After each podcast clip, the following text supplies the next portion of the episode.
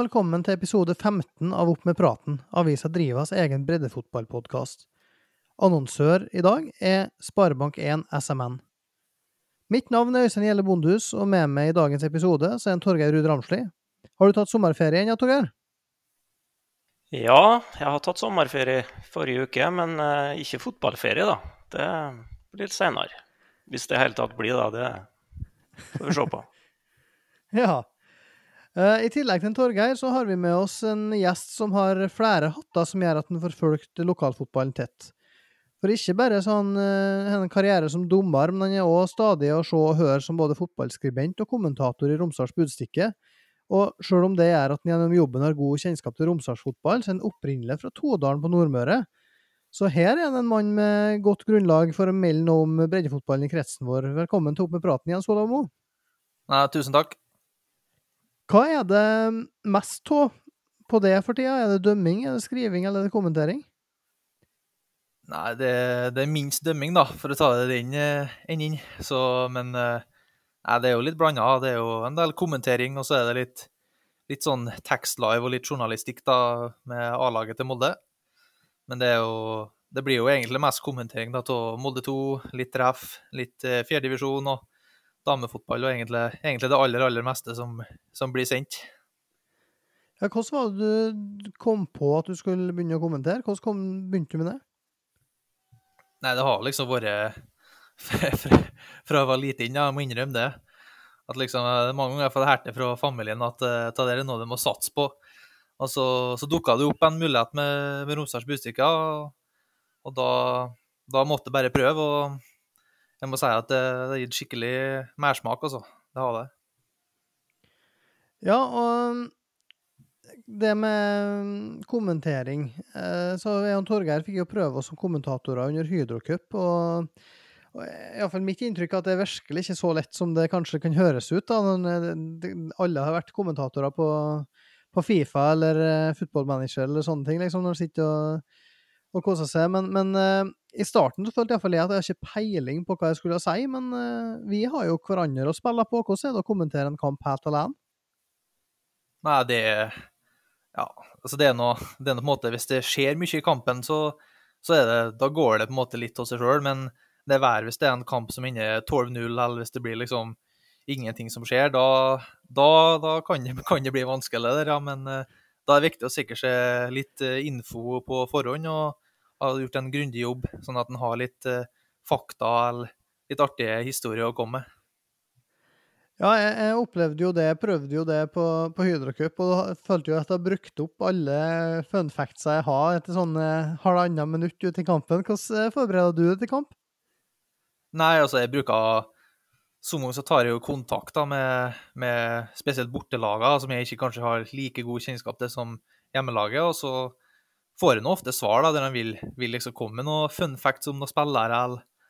Og så bruker han ofte Fotballforbundet sin nettside da, for å liksom finne litt sånn, sånn generelle fakta, toppskårer og litt sånn kan se viktig og ja, slik, slik basic info, egentlig. Mm. Og så har vi fått inn et lytterspørsmål her som vi må, må ta. Altså det er rett og slett eh, Hvor har du blitt best tatt imot når du skal kommentere kamp? Ja, det spørs litt hva han mener med det, med det spørsmålet. Om han mener liksom oppvartning oppfartning og den eh, biten, så, så må jeg få skryt av Eide, faktisk. For der var det servering og greier når vi kom dit, og det, det har jeg liksom ikke opplevd. Vi ikke på breddefotballarenaen jeg har vært på. Mm. Men uh, Jens, hva, hva, gjør du til daglig når du ikke kommenterer kamper? Ja, da studerer jeg økonomi i Molde, så nå er jeg inne i mitt siste år. Så da får vi nå se hva som, hva som, skjer etterpå. Det er en bachelor da, i økonomi og administrasjon som jeg, som jeg tar der, da.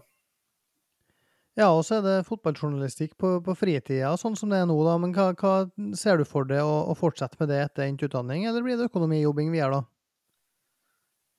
Det er jo litt vanskelig å si, da, men eh, eh, jeg både håper og tror egentlig at det blir noe innenfor fotball. Det, det er mest vanskelig når en bruker så stor del av livet på det, så det er litt vanskelig å kanskje ikke, ikke jobbe innenfor det òg. Mm. Vi har jo tala litt eh, om dommerrekruttering tidligere her i, i poden. Altså, selv om du ikke dømmer så mye nå, eh, hvordan var det du begynte å dømme? Hvordan kom du inn i miljøet?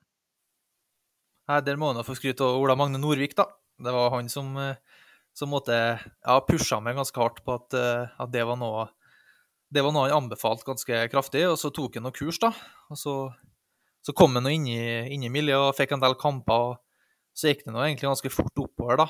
Og så, så har det noe, det har vært en del assistentoppdrag i femtedivisjon og fått meg litt i fjerdedivisjon og, og litt generelt. Så han har drevet med det en, en del år. Men eh, nå i år så har det foreløpig i hvert fall ikke, ikke, vært, ikke vært noe tid til overs. Så det er litt satt på, satt på vent akkurat nå. Men eh, hvem vet, kanskje neste år så er jeg tilbake igjen. Ja, hva, hva tror du er nøkkelen da for å klare å, å rekruttere nok dommere i kretsen her? Nei, må nå på en måte få presentert produktet på en god måte. Og så er det noe det med at hvis du har interesse for fotball, så er det en kjølig fin hobby da, der han kan liksom Ja, han tjener OK og får liksom dekket ting, og, og så kommer han seg måte inn i et kjølig bra miljø. da, Det er noe, det dommermiljøet er noe helt spesielt. Der takhøyden er, er rimelig stor, da, det bør han være, klar- være, være klar over på forhånd. Men eh, det er egentlig bare Det er artig, og ja, det kan være tøft, men de fleste har kjølig forståelse for, i hvert fall hvis du er ung da, og kommer inn måte og er litt sånn fersk, så, så blir de ofte tatt imot og får skryt av liksom at de, de setter pris på at eh, det kommer nye dommere fram. Og det, det er viktig, for nå er det litt, litt tynt. Men eh, jeg ser nå at iallfall i i de kampene jeg har sett i fjerdedivisjon, så er det det begynner å bli mye bra, syns jeg. I Norges mest personlige mobilbank fra Sparebank1 sorterer vi utgiftene dine for deg, slik at du får full oversikt over forbruket ditt. Last Med full oversikt menes kun økonomien din. Vi tar ikke ansvar for glemte bursdager, morsdager, farsdager, dugnader, foreldremøter, enslige sokker på avveie, forskjellen på høyre og venstre, p-pilleglipp eller pass som er gått ut på dato. Ja, men i hvert fall. Last ned Norges mest personlige mobilbank fra Sparebank1 i dag.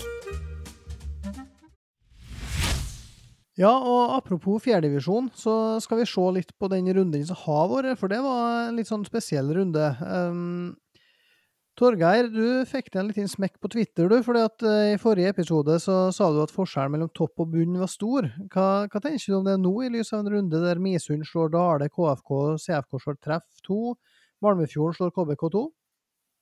Ja, eh, jeg sa vel det at jeg hadde sett jevne kamper mellom topp og bunn, men at det stort sett var topplagene som stakk av med poenger. Sånn at, sånn at, eh, at, at eh, si, nedre halvdel tar, poeng en, en gang iblant, det, det er jo ikke så overraskende. Altså, de må ikke ta fullstendig av da, så her bunnlagene for de har fått seg en seier eh, eller, eller to. Eh, må raske opp litt mer poeng først før de begynner å, å, å, å melde litt, tror jeg. Så ja, det er vel svaret på det. Jeg syns fortsatt forskjellen er stor mellom topp og bunn. Eh, Det, det står jeg nok for. Ja, I tillegg til de eh, kampene som er nevnt her i stad, så eh, slo Tomrefjord Sunndal 2-1 borte. Og Åndalsnes slo Eide omegn. Eide omegn fortsetter å hva skal jeg si, variere i, i prestasjonene. Og Surnadal slo Vestnes Varfjell 2-1 i den siste kampen i runden. Hva overraska det mest forrige runde, Jens? Ja, det jo vanskelig å plukke, da. Her er det, her er det mye å ta tak i, syns jeg. Men uh, jeg fikk jo med meg den eh, KFK CFK på treff 2. Den eh, ble jo streama, så den, eh, den så jeg. Og der, eh, der har jeg treff 2 på forhånd, så i som en liten favoritt der. De stilte med et par fra, fra A-laget. Men eh, ja, de virka å ha god kontroll, syns jeg. Og så etter pause så er det Det er vanskelig å si hva som skjer, men det er jo korthuset detter jo fullstendig sammen, og de kollapsa jo egentlig. og Det er jo litt sjokkerende å se, for det forventa at egentlig treff skulle være litt bedre enn hva de var, men når de først liksom De målene de har, er jo kjempebra, og de viser liksom klasse, og så Men eh, nei, det var Den, den var overraskende at de klarte å komme tilbake, for å synes at KFK klarte. Det, det er sterkt. Det samme egentlig altså Malmefjorden, vi har jo diskutert det tidligere. og Jeg har jo tala om det at jeg tror at Malmefjorden kanskje, i hvert fall eh, sa jeg det før seriestart, at jeg tror de kommer til å karakterisere seg nok poeng til at de overlever på, på hjemmekampene sine. Um, nå slår de også KBK2, og den, den så vi vel iallfall ikke kom, Torgeir? Nei da, vi så ikke den kom. Eh, Jeg har jo sagt tidligere at jeg, jeg tror, tror KBK2 kommer til å avgi litt poeng borte på, på gress. Når de stiller med rent juniorlag. Nå har de jo i tillegg leid ut han Heine Gikling Bruseth igjen, da. Og, og Bendik Breivik. Han har jo ikke vært med hele sesongen. Oskar Sivertsen er jo kommet tilbake. men jeg trodde vel ikke at det var Malmefjorden som skulle ta de poengene for de, så, så, det var jo imponerende. Det var jo ja, det er jo avdelingsfavoritten og det laget vi har tippa til å vinne serien, som de slår. Så det var knallsterkt av eh, Malmefjorden. Og nå har de jo fått de tre poengene eh, på kontoret, da, som eh, Grego sier. Så nå begynner det jo å se nesten litt bra ut for Malmefjorden. I forhold til Berge, i alle fall. Ja, sant. Og jeg må jo innrømme det at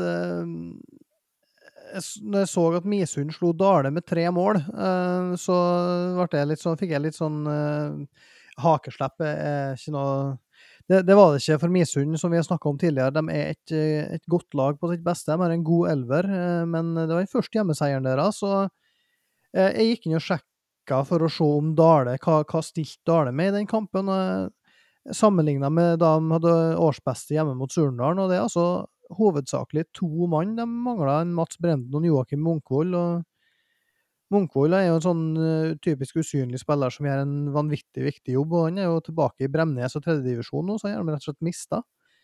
Og Bjerkås var jo ikke med, men det var han heller ikke mot Surndal. Når Frøner benka seg sjøl nå. Det er ikke sikkert han gjør det igjen med det første. Uh, hva tenker du, Jens, om at Misund slår Dale så klart? Nei, det er, det er overraskende, ja. Det, det, er ikke noe tvil om. Men jeg, jeg så dem jo mot uh, Eide i den kampen som ble streama der, og, og, da var de jo Det var litt sånn bob-bob, men så klart, når de først, når de først leverer, så er de De har et bra toppnivå, men så er de det er litt for stor forskjell mellom toppnivå og bunnivå, uh, tykker jeg, på det laget der. Men det, det du sier, Øystein, at de har en kjølig god elver, da. Og Erlend Blø og Emil Sjøvik og så Arnt Erik Brakstad. Når han ikke blir utvist, da, vil jeg merke. Men uh, Nei, at de skulle vinne 3-0 hjemme mot, uh, mot Dale, den, det var kanskje skikkelig overraskende. Men så fikk de et rødt kort der, da, Dale. Og da ble det kanskje tøft på gressbanen på Misund. Ja, jeg så jo at han, han Arnt Erik han setter jo opp seg sjøl som Han spilte jo på midten eh, nå mot eh, Dale, eh, og skåra mål og greier. og og det er klart Når du har i tillegg da en trio på topp Elias Vangen og tidligere KBK, så, så, er det mye bra spillere framover på banen der, altså. Når de da har en Brakstad framom Forsvaret som klarer å, å mure igjen og holde nullen mot Dale, som har med seg Tobias Larsen Lysø, har med seg en Frøner, selv om det ikke starta. De, de, de, har tilnærma toppa lag, eh, sånn som jeg leste. Og da, da er det en veldig, veldig sterk hjemmeseier. Så må vi jo prate om det, da, at uh, det var mm, Sunndal-Tomrefjord på Sande. Uh, det var Sunndal sitt første serietap for året, Torgeir. Hvordan opplevde du den kampen? Eh, jo, det var litt det samme som i fjor. og hvis vi tenker på en typisk Tomrefjord-seier, da, så er vel dette kanskje den mest typiske tomrefjordske seieren jeg har sett. I hvert fall de to siste åra. For Uh, ja, jeg, vil, jeg, jeg, ønsker ikke å fremstå som sånn, uh, dårlig taper, og sånn, for jeg, har vært ganske tydelig før på at uh, det er lov å spille på alle mulige måter for å vinne og, og, og være kynisk og sånn på bortebane. Men det er klart Sunndalen får den kampen inn i det sporet de vil og går opp til 1-0. Men så er det en, en kjempetabbe igjen, da, misforståelse mellom back og keeper. Keeper kommer ut, og backen skal slå tilbakespill. og Det blir jo åpent mål da, for Håvard Taklo. Uh, og så er det jo ingen av lagene som uh, evner å skape noe uh, angrepsfotball, uh, syns jeg, etter det. Uh, Sunndalen prøver, men evner ikke, og Tomrefjorden prøver ikke. de ligger i 5-4-1, hvis jeg skal kalle det det, eller kanskje jeg skal kalle det 7-2-1 eller 7-3-0. Spiller tidvis med doble backer og en midtspiss som er nesten liksom frimerke på ankeret til Sunndalen. Og så får de et langt kast i andre omgangen som, eh, som det òg er en klar hands på. Eh, en som stusser, og så en som demper den med hånda og setter den i åpent mål. Eh, og etter det så ligger de bare nedpå i den, den doble backformasjonen sin med tre stoppere og fire backer. Og bare rir unna og slår unna og skyter ballen på tribunen og drøyer tid. og Jeg har diskutert en eh, del med Kristian Onsdag etter den kampen. og ja, Vi er jo ikke enige om hva skal si, sjanseskapinga og sjanseuttellinga men begge lagene har en to, tre, fire muligheter. Og så hvem som skaper de mulighetene, ja, det kan jo diskuteres. Men Eh, det var i hvert fall den mest typiske Tomrefjord-seieren jeg har sett på veldig veldig lenge. Og jeg har sett en del av dem. Så, men for all del, de, de, kom og gjorde det de skulle og fikk med seg poenger. og Hvis de vinner igjen til helga nå, så er jo de for fullt med. Så skal ikke avskrive dem ennå.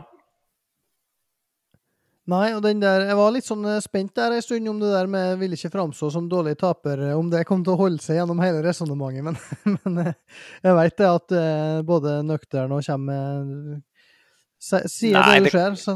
Ja, men det er klart, det, det er alltid sånn at du blir veldig når, et, når, du møter et lag som spiller sånn, så er det veldig frustrerende å være trener og frustrerende å spille, og det er frustrerende å se på. Det, det er det ingen tvil om, for du blir veldig utålmodig. og du du begynner på dommeren, at han skal slå ned på drøying, og alt, alt tar liksom for lang tid. da. Så han kan godt sitte og si det at uh, Nei, det har ikke noe å si, og sånn, men, men det, jeg tror alle er mennesker, liksom, og det, det, det oppleves veldig frustrerende. Når, uh, og så er det klart at Sunndalen får jo ha ballen hele tida, så, så, de blir jo invitert til, til, til å ta over og, og skape, men, men, evner ikke å gjøre det. og ja, det kanskje vært litt ankepunktet mitt tidligere òg, at det er mye vilje og det er mye fart. og De er gode i overgangsspillet og sånn, men når det gjelder å åpne opp lag som ligger lavt, ha noen kreative indreløpere, litt eh, driblesterke kanter, en spiss som kan komme og ta imot, kanskje vende av, spille gjennom og sånn, og åpne opp boksåpnere og sånn, det skriker jo eh, laget til Sunndalen etter. Så, så, de er jo ikke enige med meg i det, de heller. Men, men eh, jeg sier jo hva jeg mener for. Eh, sånn at eh, de, de, greier ikke å skape noe som helst. De har en, en farlig sjanse på en, på en, dødball helt på slutten, ellers så skaper de ingenting. Så det blir litt sånn som jeg sa i fjor, at eh, det ene laget gjør flere store feil enn, det andre, og da går Tomrefjorden av med seieren, sånn som i fjor. Ja, En, en kall det artig detalj er det, det er jo at matchvinner til Tomrefjord er 15 år gammel, Finn Luka Daniel. Vi har jo snakka tidligere om at Tomrefjord er har vært en del voksne mannfolk, og de har jo en, en del yngre som har fått muligheten uh, i år. og Han er en av dem, og, og, og starta jo her og, få, og blir altså da matchvinner. og Det, det er jo litt, uh, litt, artig. Så er det jo slik da at uh, det ble rett og slett ny serieleder i løpet av helga, Torgeir. det må vi jo nevne. Surndalen eh, hadde muligheten på ei sånn nesten nesten bakvendthelg etter at alle topplagene hadde avgitt poeng. Så, så var det Surndalen sin tur hjemme mot Vestnes Varfjell. Eh, så du den kampen, Jens? Ja, den ble jo til dels streama. Så den fikk med ja, ganske store deler av. det var, det var ganske sånn ja, jeg vet ikke om Surnadal var fornøyd de er, men de er fornøyd med, at de står igjen med tre poeng, tror jeg. Men det var ikke noe lik Nei, det er ikke den beste kampen jeg har sett, det må jeg ærlig innrømme. De starta, starta bra. Eh, så streamen og Asbjørn borte en liten stund. Og så, når de kom tilbake, så var det 30 grader og varmt, tror jeg, som den Vegard Brøske oppsummerte. Og det, det er klart de vinner 2-1 eh, deretter. en Viljar Fiske Kvande, han må jo nevne han, da, som tross alt nå skåra mål nummer fire på på sju kamper. Jeg har starta fire kamper og blitt kåra til Surnadals beste i alle fire. Eh, nå drar han i militæret til høsten. Jeg nevnte han jo som en sånn eh, dark horse til årets unge spiller i år, på tampen av fjorårssesongen. Eh, veldig spennende indreløper. Så mm, er det jo slik at Elling Olafsen utligna, skåra i sin sjette kamp på rad etter at vi nevnte at Elling Olafsen har ikke skåra i år.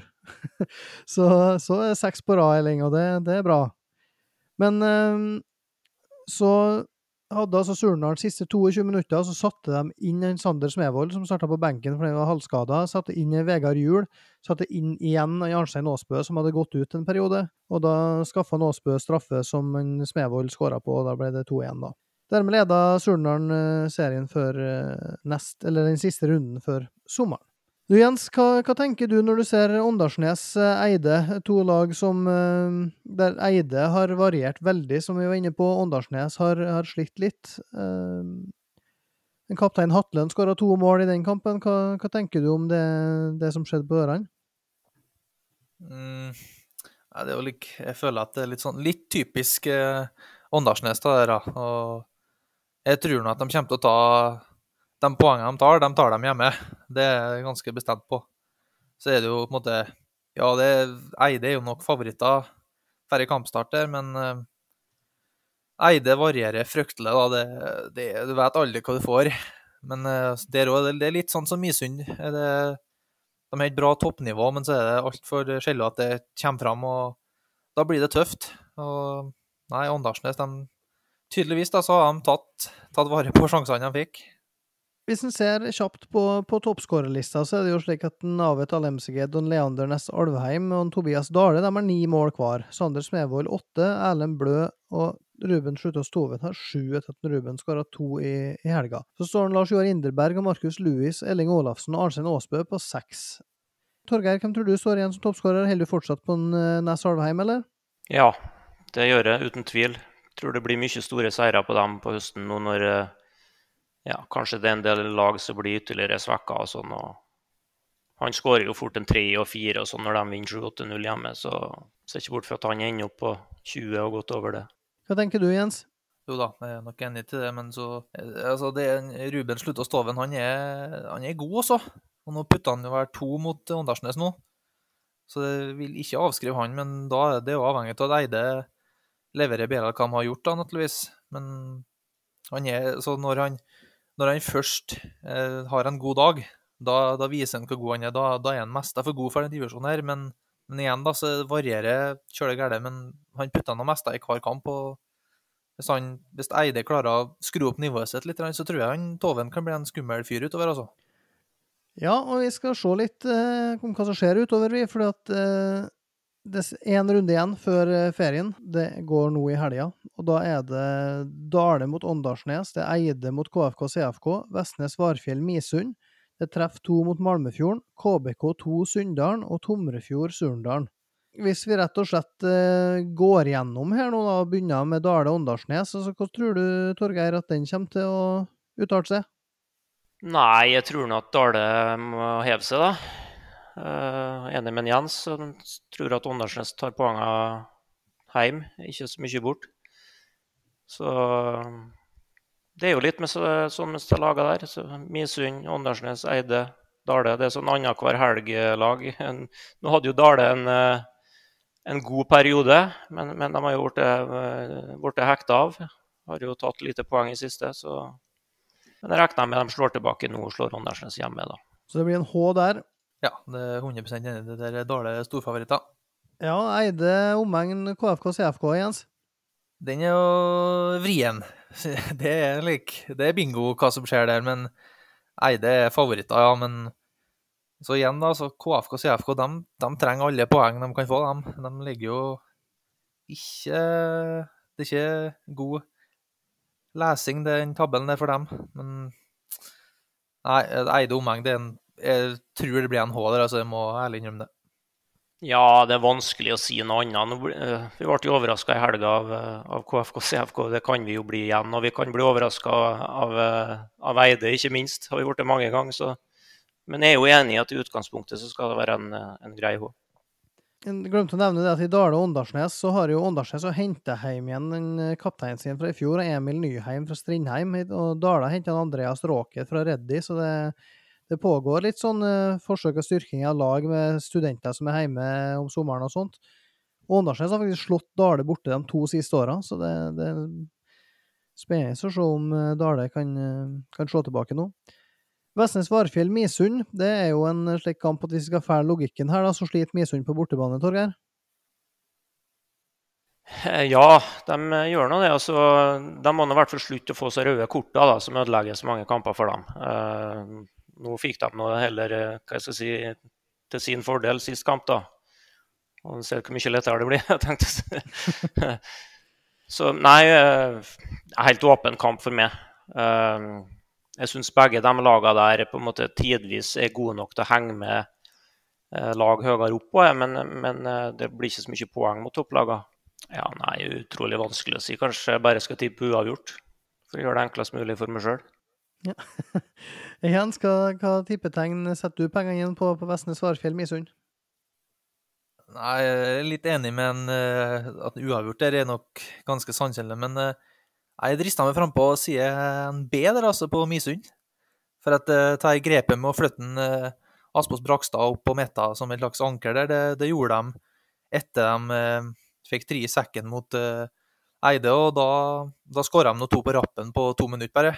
Og det er slik Det tror jeg kanskje er et genialt grep som kan hjelpe dem nå framover. Han han er god, og han klarer å vri spillet, og han er liksom en playmaker eh, oppi alt. Og den, den rollen der de får de på en måte når de kan, skal forsvare seg, så kan de, får de en ekstra midtstopper der. Og, ja, jeg, jeg tror jeg på Misund runde her, altså. Det er det.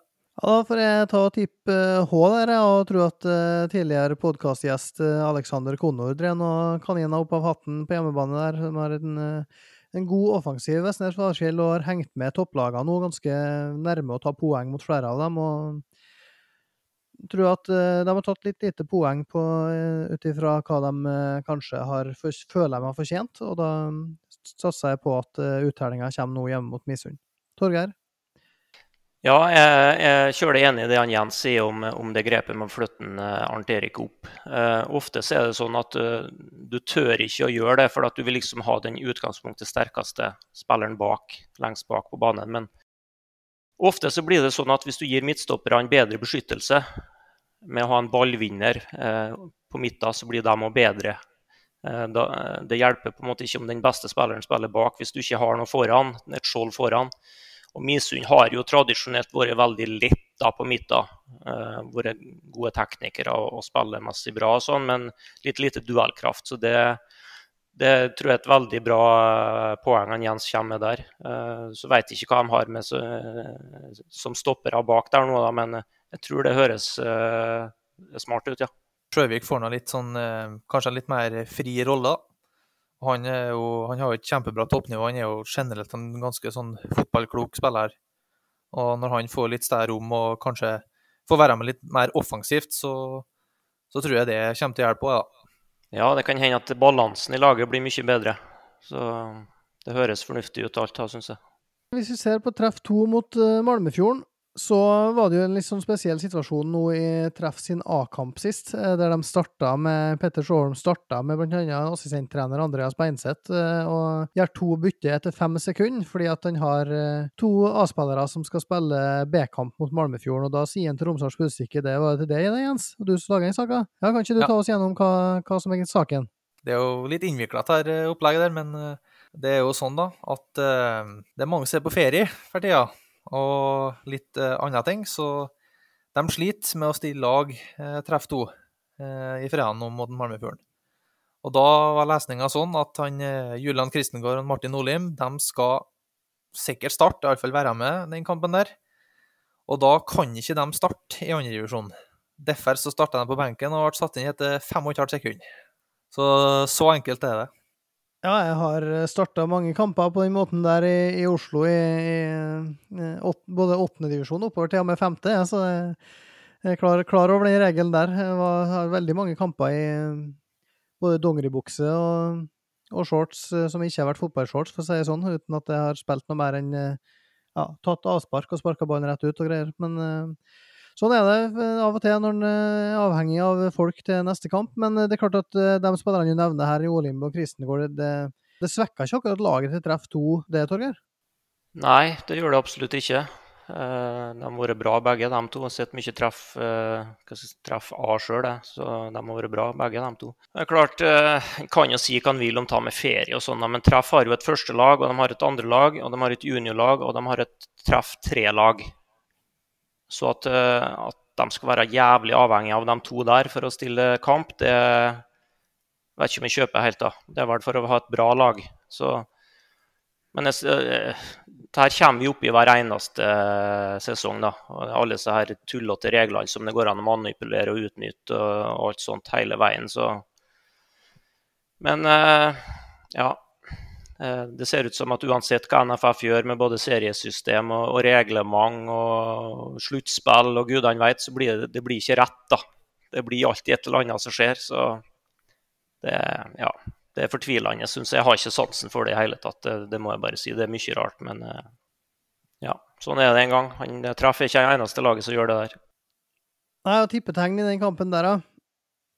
Nei, jeg får nå lyst til å tippe B, da. Men uh, det, blir, det blir det jo H, da, selvfølgelig.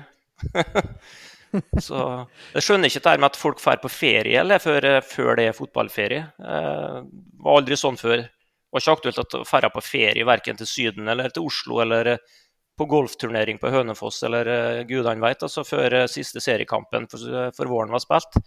Det er, så, det er, så, mye rart nå som jeg ikke forstår. Men uh, jeg begynner vel å bli for gammel. Jeg er ikke, jeg er ikke så gammel heller ennå, men det, jeg forstår ikke sånt.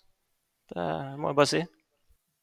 Nei, jeg er helt, helt enig med deg at eh, når terminlista er kommet, så er terminlista kommet, og da er det Ferien kan en ta innenfor den, det som er avsatt til ferie, og det er klart at eh, det, det syns jeg at det går an å være klar i talen på det.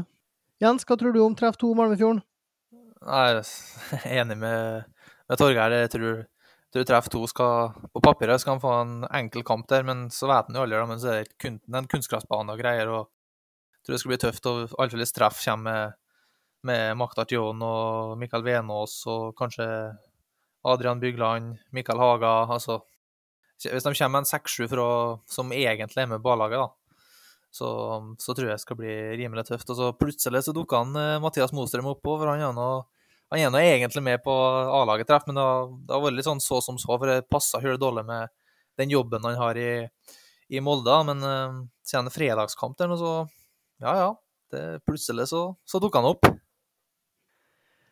Ja, og så er vi kommet fram til mm, de to siste kampene her, og det er jo mm, to toppkamper. Det er KBK2 mot Sunndalen, og det er Tommerfjord-Surnadal. Hvis vi begynner med Tommerfjord-Surnadal, så Jens, du skal jo kommentere den, for den blir jo sendt både på Romsdals Budstikke og Drive og Åndalsnes Avis eh, direkte på lørdag. Du skal få slippe å si så mye om den på forhånd, men hva tenker du, Torgeir, om Tomrefjord-Surnadal?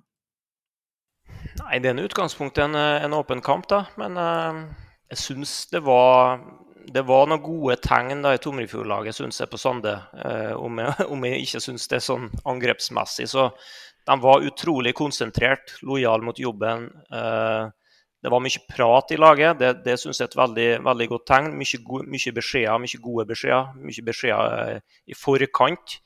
Eh, det er jo ikke alle som er så flinke til breddefotball. Det er mange som har svaret på hva en skulle ha gjort etterpå. Eh, ikke mange, mange som har løsninga først. Så det var, De så kjølig tent ut, eh, Tomrefjord. Også, så, så derfor tror jeg Surndalen får en veldig vanskelig kamp. Eh, det tror jeg de virka på, på bet, for å si det sånn, Tomrefjord. Så de tror jeg har tenkt å vinne den kampen. Så jeg har litt god følelse for eh, Tomrefjorden inntil den matchen, det må jeg si. Uh, Jens, hva tenker du om uh, Sunndalen sin bortekamp mot KBK, eller KBK2 sin hjemmekamp mot uh, Sunndalen, alt ettersom? Ja, den, den er nok uh, mer vrien å spå. Men uh, jeg tror nå det blir ganske jevnt, da. For uh, Kristiansund A-laget spiller vel søndagen hjemme mot Lillestrøm, om ikke tar feil. Så da er det nok ikke det unge mannskapet som får sjansen, tipper jeg. Og da Ja, altså. Jeg blir ikke overraska om Sunndalen klarer å raske med seg et poeng, eller kanskje tre òg, men KBK2 små favoritter, men eh, ja, jeg, jeg, føler på meg at der kommer det en U. KBK de har jo sendt vei en uh, gjeng med 16-17-åringer nå på, på elitetiltak.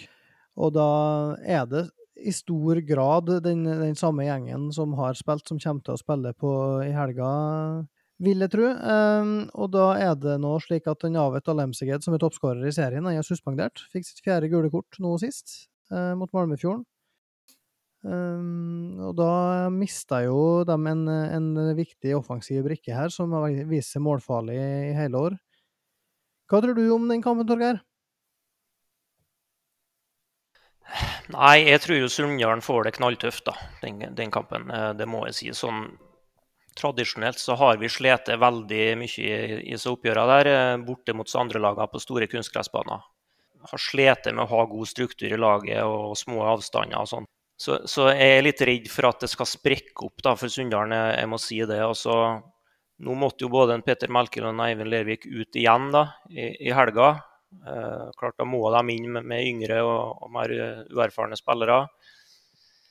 Eh, det kan være andre spørsmålstegn nå ved laget. Så ja, i hvert fall sånn, sånn, historisk sett så har det betydd trøbbel, så er bortekampene borte mot KBK2. Uh, selv om de har stilt med juniorlag, for de, de er såpass kvikke og, og ball, ballsterke. Da. Så, men det er klart, det, han Avet da, er borte, og, og, og de har ut, leid ut en par. Men klart, hvis Oskar Sivertsen og sånn får begynne å, å, springe, og det blir mye plass, og sånn, så tror jeg det skal bli veldig, veldig tøft. Så jeg frykter for eh, Sunndalen den kampen, det må jeg si. ja. Hva kampbilde tror du det blir da, Torgeir? Tror du Sunndal kommer og legger seg bakpå, eller? Ja, jeg tror det. Og det Jeg veit ikke hvor lurt det er. Jeg tror kanskje det kanskje kan være vel så lurt å gå opp litt, så de ikke får sette i gang og spille så mye. For uh, igjen, da, historisk sett så har vi, har vi ligget mye bakpå og skulle ha kontra. Men men det har, det har, gått såpass fort likevel, og de har vært litt overlegne én mot én. Sånn, sånn at det har, det har sprukket opp, og det har blitt store rom å spille i allikevel. Så kanskje er det like lurt å bare gå opp og, og, ikke la dem sette i gang. Få dem, tvinge dem til å spille en del langt. Uh, gjøre litt fysikk eh, ut av det hva skal jeg si, i lufta og sånn. Så, og se hvor lenge det holder. Kan, kan være like smart, det. Kanskje sjansen er større for å få med seg noe da, men jeg tror jo ikke at Sunndal tør å gjøre det. da. Jeg tror de kommer til å ligge bakpå. og da kommer KBK til å ha mye ball, og da tror jeg at det kommer til å sprekke opp eh, ja, litt ut i andre omgang. Så jeg tror det blir jævlig tøft, det, det må jeg bare si det.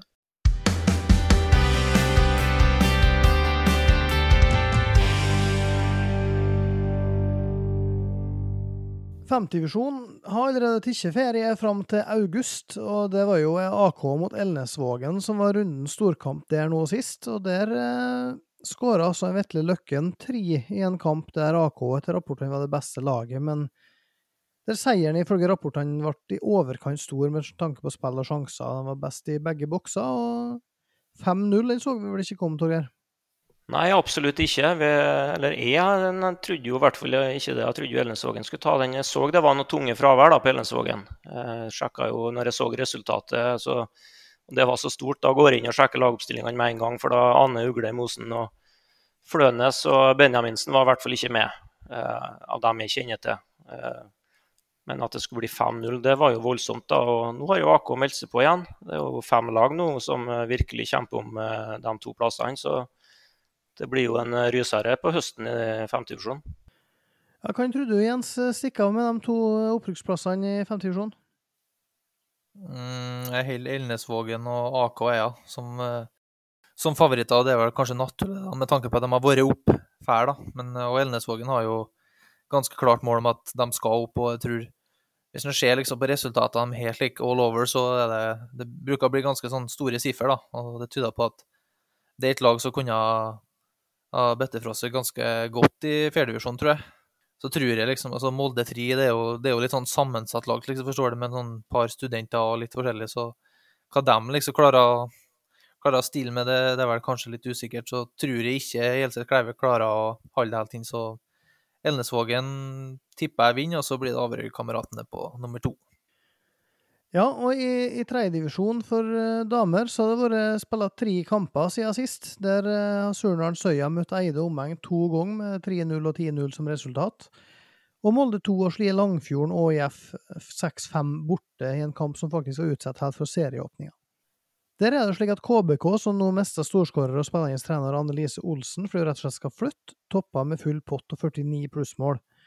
Men det er ingen som rykker opp til andredivisjon der i år. Langfjorden og IF er nummer to, Surnadal Søya tre og Sunndal fire. Men der er det altså slik at Surnadal Søya er sju poeng å gå på ned til Sunndal, men har spilt fire kamper mer enn laget til Egil Hornes. Så der kan mye skje ennå. Molde 2 er nummer fem med sju poeng på fem kamper. Vil si at de har spilt halvparten eh, så mange kamper som det Surnadal Søya har gjort så langt. Team Hustadvika, som de kaller seg, seks poeng på seks kamper, og Eide omheng står uten poeng så langt. Vi nærmer oss slutten vi på denne 15. episoden av Opp med praten, så jeg vil si tusen takk, Jens, for at du var med oss. Og om du ikke hører oss, så hører iallfall vi det igjen, eh, når du kommenterer Tomrefjord Surnadal, som blir streama i helga. Jo da, det, det gleder jeg til. En skikkelig toppkamp, og jeg tipper det blir en rysere òg, ja. Ferien her nå, det er egentlig perfekt. Ja, trivelig som allveg å ha med deg òg, Torgeir. Hva, hva, er du mest spent på nå før fotballhelga som venter? Nei, jeg er nok mest spent på de to toppkampene, selvfølgelig. Uh, dessverre så føler jeg meg tryggere på utfallet i, i Kristiansund da, enn, uh, enn, jeg gjør i den andre. Jeg tror den er mer åpen. Uh, så jeg er litt spent på det. Men jeg tror vi har ny serieleder igjen til, til helga. Tipper det. Det som iallfall er sikkert, det er at uh, fjerdedivisjon utover høsten det kommer til å bli utrolig spennende, med, med flere lag som har meldt seg på, og som uh, virkelig øyner muligheten for å gå helt til topps. Tusen takk til alle dere som har hørt på, og takk for nå.